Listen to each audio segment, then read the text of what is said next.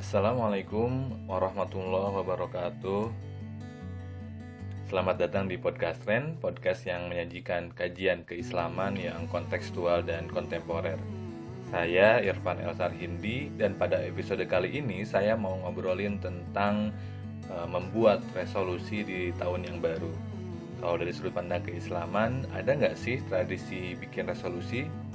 Terus gimana tuh hukumnya? Dan kalau boleh misalkan, gimana sih baiknya bikin uh, resolusi yang katakanlah islami?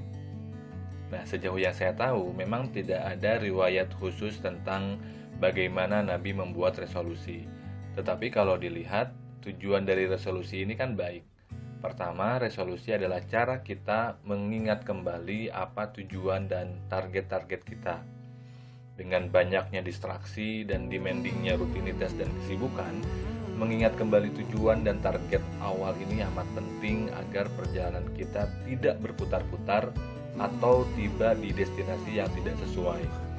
Walaupun tentu saja dalam proses memperjalani resolusi dan rutinitas, kita akan selalu dihadapkan pada sejumlah kejutan dan persimpangan yang boleh jadi justru membawa kita pada hasil di luar ekspektasi atau pada rezeki yang tidak terduga. Kedua, resolusi membantu kita memetakan perhentian-perhentian di perjalanan kita ke masa depan, sehingga ia dapat menjadi guidance bagi kita untuk sekuat tenaga memastikan hari esok lebih baik dari hari ini dan hari ini lebih baik dari hari kemarin. Sedangkan proses perbaikan terus-menerus tersebut, continuous improvement ini, adalah hal yang sejalan dengan sunnah Nabi. Ketiga, resolusi adalah cara kita memetakan harapan, memvisualisasikan doa-doa kita.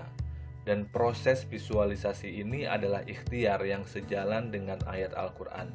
La yughayyiru ma biqaumin hatta yughayyiru ma bi anfusihim maka segenap upaya untuk mengubah situasi kondisi baik dari segi finansial, emosional, spiritual, dan seterusnya itu adalah baik dan sejalan dengan fitrah kemanusiaan dan kemaslahatan.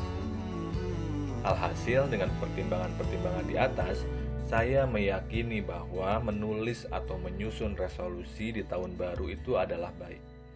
Apalagi kalau dalam proses penulisan resolusi tersebut kita juga melakukan refleksi atas apa yang telah kita alami setahun ke belakang.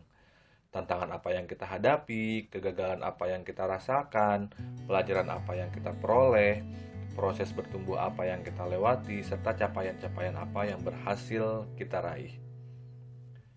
Refleksi adalah proses membaca diri, membaca pengalaman, proses evaluasi habis-habisan atas keputusan-keputusan yang kita ambil dalam merespon impuls-impuls eksternal yang dihadirkan oleh Allah kepada jalan hidup kita. Kita akan tahu dalam proses itu resolusi apa yang gagal dan barangkali juga alasan kenapa ia gagal. Kita juga akan sadar hal-hal yang kita dapatkan yang boleh jadi sama sekali tidak ada dalam resolusi yang telah kita buat. Tapi ya tidak apa-apa, tidak semua pertandingan harus dan atau akan bisa kita menangkan. Yang terpenting adalah dari proses refleksi tadi, kesadaran kita atas posisi sejarah yang kita pijak per hari ini sehingga kita dapat lebih jeli sekaligus rendah hati saat mulai membuat resolusi tersebut. Dalam perspektif yang saya yakini, proses penulisan atau penyusunan resolusi ini harus dibingkai dengan empat frame Pertama, frame basmalah.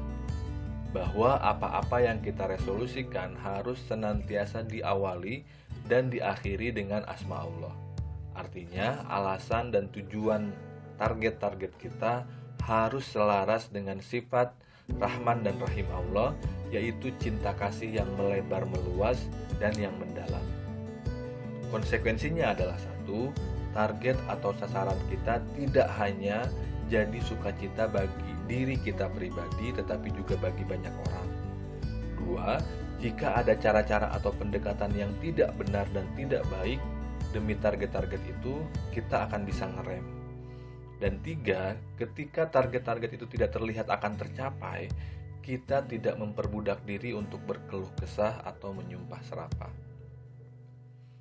Frame kedua, salam, yaitu apa-apa yang kita targetkan pada akhirnya harus menjadi wasilah atau medium bagi kita untuk mengoptimalisasi misi salam alaikum kita.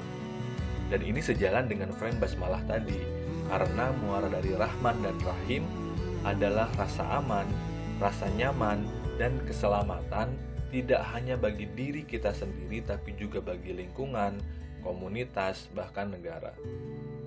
Frame tersebut membawa kita juga pada frame nomor tiga yaitu bahwa target-target yang ingin kita capai tidak boleh diposisikan sebagai tujuan akhir apalagi satu-satunya tujuan. Alih-alih ia harus diposisikan hanya sebagai medium atau sebagai bonus. Tujuannya ya salam dan pengejauhan tahan Rahman Rahim tadi. Mediumnya bisa dengan finansial yang lebih mapan, pengetahuan yang lebih luas, kebijaksanaan yang lebih arif, kedewasaan yang hasil yang hatinya seluas semesta, serta sikap kritis untuk tidak dihanyutkan gelombang logical fallacy dan miskonsepsi. Atau dalam konteks yang lebih operasional, medium itu dapat berupa lulus kuliah dengan IPK baik, punya pekerjaan, terlibat dalam kegiatan volunteering, menikah, punya kendaraan, punya bisnis walau kecil-kecilan, misalnya pergi traveling ke tempat yang diinginkan, belajar hal-hal baru, dan seterusnya. Keempat, frame yang lebih taktikal yaitu penyeimbangan antara azam dengan tawakal atau kemampuan memilah mana yang wilayah otoritas manusia dan mana yang wilayah otoritas Allah.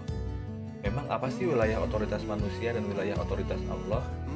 Sederhananya, manusia diberi otoritas dalam hal memperjalani proses, sedangkan hasil itu adalah otoritas Allah tentu saja dengan e, mempertimbangkan kadar ikhtiar dan doa yang kita panjatkan kepada Allah.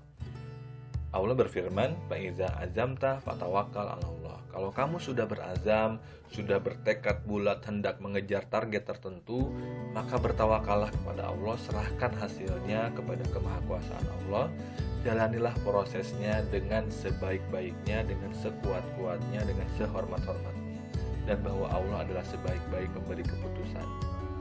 Dengan keyakinan ini, kita tidak akan kecewa kala gagal, sekaligus juga akan senantiasa dikejutkan oleh rezeki dari arah yang tidak disangka-sangka karena sebagaimana firman Allah, Nasrul minallah wa fathun.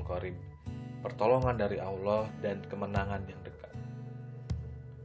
Sekian podcast Trend episode kali ini. Dukung kami dengan klik tombol subscribe, like, dan share. Dengarkan kami juga di platform Anchor dan Spotify. Dan jika kalian punya topik yang pengen kami bahas, silahkan taruh pertanyaan kalian di kolom komentar. Terima kasih. Saya Irfan Elsar Indi, pamit undur diri. Wassalamualaikum warahmatullahi wabarakatuh.